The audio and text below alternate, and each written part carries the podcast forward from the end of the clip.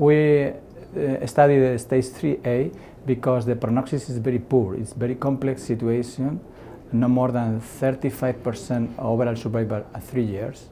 And when patients have N2 affectation, usually have micrometastasis disease.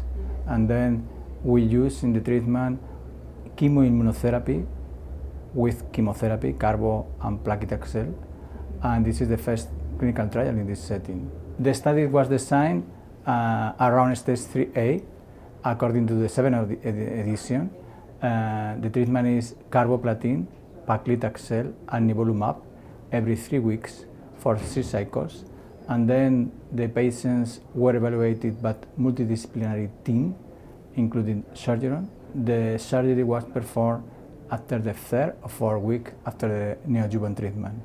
And then the, the main endpoint, the principal endpoint, is progression-free survival at uh, 24 months.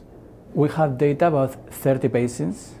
Uh, we have uh, surgical information about these patients, and 80% of these patients have major pathological response, and 75% of these patients have complete response. And this is a very, very good results in the, in the oncology field.